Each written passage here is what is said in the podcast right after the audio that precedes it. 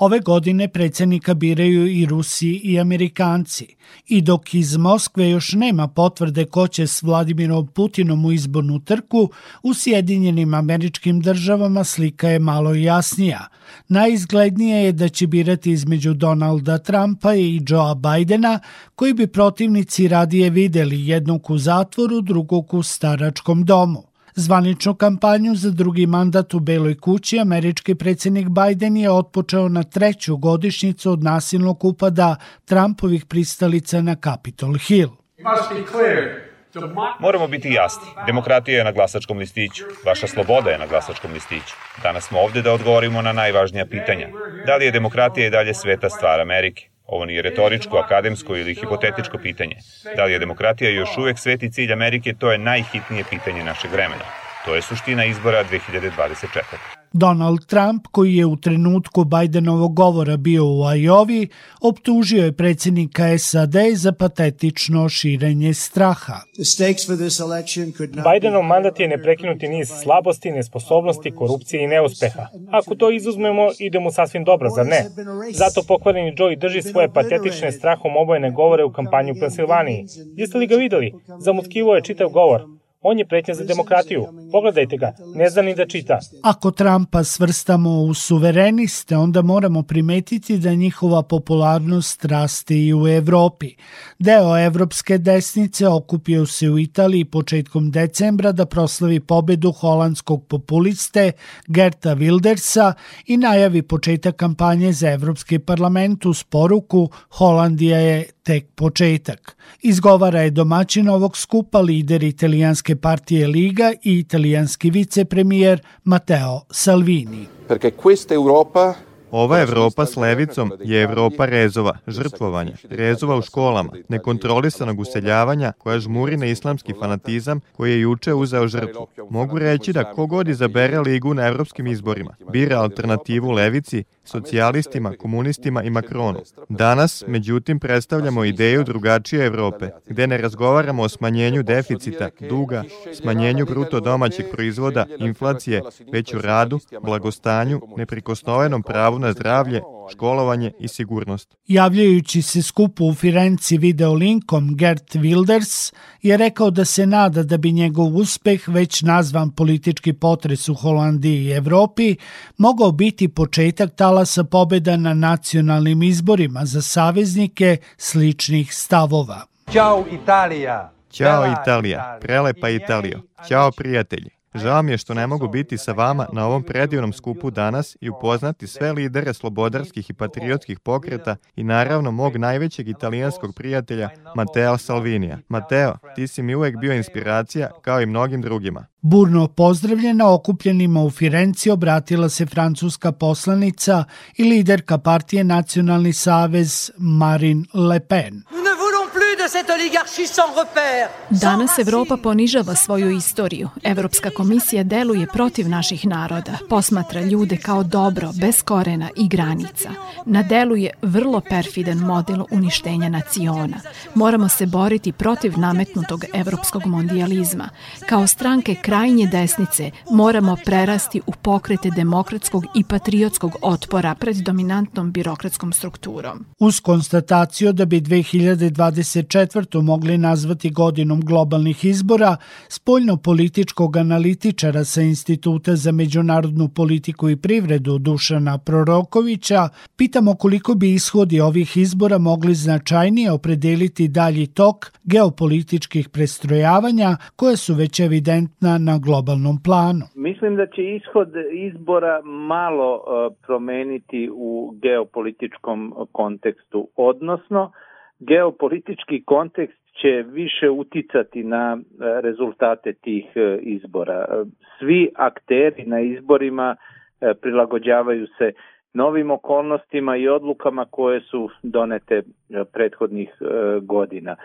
Predsednički izbori u Rusiji najverovatnije će potvrditi novi spoljno-politički kurs Vladimira Putina. E, Rusija je od 2014. godine postepeno, a od 2022. godine radikalno menjala svoju spoljnu politiku, više se oslanjajući na e, nezapadne partnere i investirajući u e, neke nove međunarodne organizacije ili međunarodne formate poput BRICS-a, Šangajske organizacije za saradnju i regionalnih integracija koje Pa ona e, organizuje. E, izbori u Sjedinjenim američkim državama biće održani u sasvim novim okolnostima. Ono što se danas postavlja kao pitanje jeste da li će na njima uopšte učestvovati e, Donald Trump. Ukoliko ne bude učestvovao, za očekivati je da će aktuelni predsednik Biden dobiti novi mandat i nastaviti sa ovom uh, politikom. Izbori za Evropski parlament koji nas po najviše i uh, interesuju, verovatno će proći u senci uh, krize koja se odvija na celom kontinentu. Zbog toga zaočekivati je da ove antisistemske stranke, bilo desničarske, bilo levičarske, ostvare veći uspeh, ali nije za očekivati i da one e, preuzmu upravljanje Evropskim e, parlamentom. Dakle, ove partije e, glavnog toka ostvarit će većinu, a šta će i kako raditi dalje sa tom većinom veliko je pitanje. Takođe očekuje nas čitav niz izbora u nekim zemljama važnim za regionalnu bezbednost. Taj ciklus počinje E, sada u februaru novim parlamentarnim izborima u e, Pakistanu takođe u svim tim slučajevima vidi se da e, imamo izraženu polarizaciju, da imamo dva bloka, jedan koji je suverenistički i onaj drugi koji bi mogli nazvati prozapadno orijentisanim. Pretpostavlja se da će suverenisti osvajati sve više i više glasova i početi da upravljaju sve većim brojem tih e, nezapadnih država, odnosno neevropskih zemalja. U slučaju Rusije nije dilema da li će Vladimir Putin osvojiti novi mandat na čelu Kremlja, koliko neizvesnost da li je ovo možda i poslednji mandat. Prorokovića pitamo da li će ovaj mandat Putin definitivno iskoristiti za pripremu svog nasljednika u liku, kako se u poslednje vreme spekuliše, Dmitrija Patruševa. Pa mnogo je tih e, glasina, mnogo je tih špekulacija bilo i prethodnih godina, odnosno tokom prethodnih e, izbornih e, ciklusa. Meni delo je neverovatno da političar ili državnik takvog formata kakav je Vladimir Putin ne razmišlja o svom nasledniku. Možda bi u nekom razvoju situacije danas govorili drugačije da nije bilo te oštre konfrontacije Rusije sa Sjedinjenim američkim državama od 2000 2014. godine, odnosno da nije bilo ove potpune eskalacije ukrajinske krize od 2022. godine. Možda bi, dakle, u jednom uh, takvom uh, ambijentu već danas neko drugi e, uz podršku Putina trčao na ovim predsjedničkim izborima u Rusiji svoju predizbornu trku. Međutim, stanje u međunarodnim odnosima je takvo da nijedan od ključnih aktera E, neće pribegavati tako velikim krupnim personalnim promenama. Mi vidimo i u Sjedinjenim američkim državama da izbornu trku faktički trče dva kandidata sa e, prethodnih e, izbora, ukoliko se Trumpu onemogući glasanje, pitanje je ko može biti kandidat republikanske partije i još veće je pitanje može li taj novi kandidat Republikanske partije uopšte ugroziti e, Josefa Bajdena. Videli smo takođe u slučaju e, Kine da Xi Jinping nije želeo ništa da prepušta e, slučaju kao i da ga je u toj svojoj odluci da zadrži mandat predsednika vrlo ubedljivo podržala cela komunistička partija. Dakle, izazovi su veliki, pretnje su velike, turbulencije su velike u na svetskoj e, politici i otuda e, teško da će bilo ko pribegavati ikakvim e, kadrovskim e, promenama. Kao što je Biden zapitao svoje pristalice u Pensilvaniji da li je demokratija i dalje sveta stvar Amerike, mi smo isto pitali Prorokovića između ostalog i zbog toga što o Trumpovoj kandidaturi odlučuje američko pravosuđe. Winston Churchill je davno rekao da su uh, izbori preozbiljna stvar da bi se uh, dozvolilo biračima da uh, slobodno glasaju. Odnosno, taj proces je u manjoj ili većoj meri uvek bio podložan različitim vrstama manipulacija.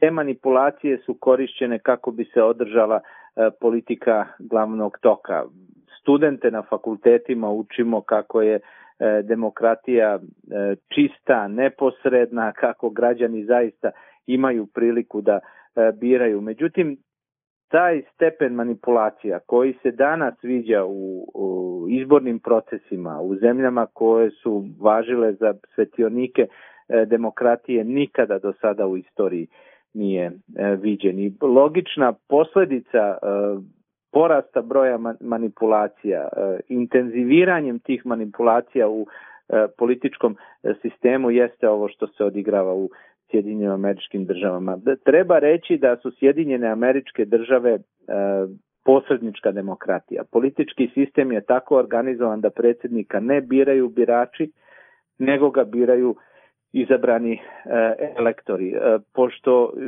Joseph Biden ima možda i najmanji, najniži rejting od svih američkih predsednika tokom 20. i 21. veka, u demokratskoj partiji su uplašeni da on može izgubiti izbore. Otuda ovo oslanjanje na pravosudne sisteme pojedinih federalnih država koje treba da izbace Trumpa iz E, iz e, igre. E, u toj posredničkoj američkoj demokratiji u 35 država za poslednjih četvrt veka uvek je pobeđivao kandidat jedne partije. Ko će biti predsednik odlučivalo se u onih preostalih 15 takozvanih kolebljivih država. Strategija demokratske stranke jeste tamo gde imaju uticaj na pravosudni sistem u tih 15 kolebljivih država da izbace E, Trumpa iz igre, odnosno da mu onemoguće e, kandidaturu. Tako da oni žele da već tamo do negde marta ili aprila meseca dovedu republikansku partiju u poziciju da ona nema interes da kandiduje Trumpa. U oči izbora za Evropski parlament Evropska desnica zbija redove. Ambicija im je da budu treća najzastupljenija grupacija u Evropskom parlamentu pošto je svaki treći evropljanin prošle godine glasao za anti-establishment partije čak 32%. Prorokovića pitamo kako objašnjava ovaj rast popularnosti desničara. Ja to ne bih nazvao desnicom, pogotovo ne bih nazvao u tom pežorativnom kontekstu e, desnicom. Pre bih govorio o suverenističkim partijama, jer te stranke su toliko heterogene da ih je teško sve strpati u jedan koš. Tu imamo od nekih ekstremnih e, nacionalista e, do partija koje bi pre svrstao među socijalne konzervativce ili ih okarakterisao kao partije socijalnog e, konzervativizma. E, imamo takođe i neke levičarske partije koje su na, na tom e, kursu pre bi sve njih nazvao suverenistima i to je zbog toga što ove partije glavnog toka, sistemske partije, nisu želele svih ovih godina otvaranje rasprave o pitanju suvereniteta kako Evropske unije, tako i e, država e, članica gde se završava suverenitet države e, članice, a gde počinju neka prava Evropske unije. Ipak unutar Evropske unije nije bilo saglasnosti o zajedničkoj spoljnoj i bezbednostnoj politici. Evropska unija se pre svega doživljavala kao jedna ekonomska integracija i glasači su podržavali očigledno e, te benefite, tu korist koja je dolazila od tih e, ekonomskih integracija, ali kada su se otvorila pitanja spoljne politike, bezbednostne politike, Bliskog istoka, Ukrajine, čak i e, Balkana, mi smo mogli da vidimo da tu postoje brojne neusaglašenosti. Nije trebalo tu stvar gurati pod tepih, trebalo je osmisliti jednu novu strategiju kako ne ustanoviti zajedničku spoljnu i bezbednostnu politiku, već kako koordinirati e, spoljne i bezbednostne e, politike evropskih e, država. To nije učinjeno i evo ovo je sada odraz toga. Rating antisistemskih stranaka raste. Naučni saradnik Instituta za međunarodnu politiku i privredu Dušan Proroković za sam kraj upozorava da rejting suverenističkih stranaka u Evropi, osim već pomenute Holandije, rasti i u zemljama poput Švedske, Nemačke, Francuske i Italije. Tu su i Viktor Orban u Mađarskoj pa Robert Fico u Slovačkoj, što je po njegovom mišljenju dovoljno ozbiljan signal da sistemske stranke unutar Evropske unije moraju odustati od neoliberalne matrice nametanja rešenja i ozbiljno prihvatiti dijalog sa suverenistima oko definisanja nekih pitanja poput zajedničke spoljne politike ili odbrane. Sektor Plus. Svet sa naslovnice.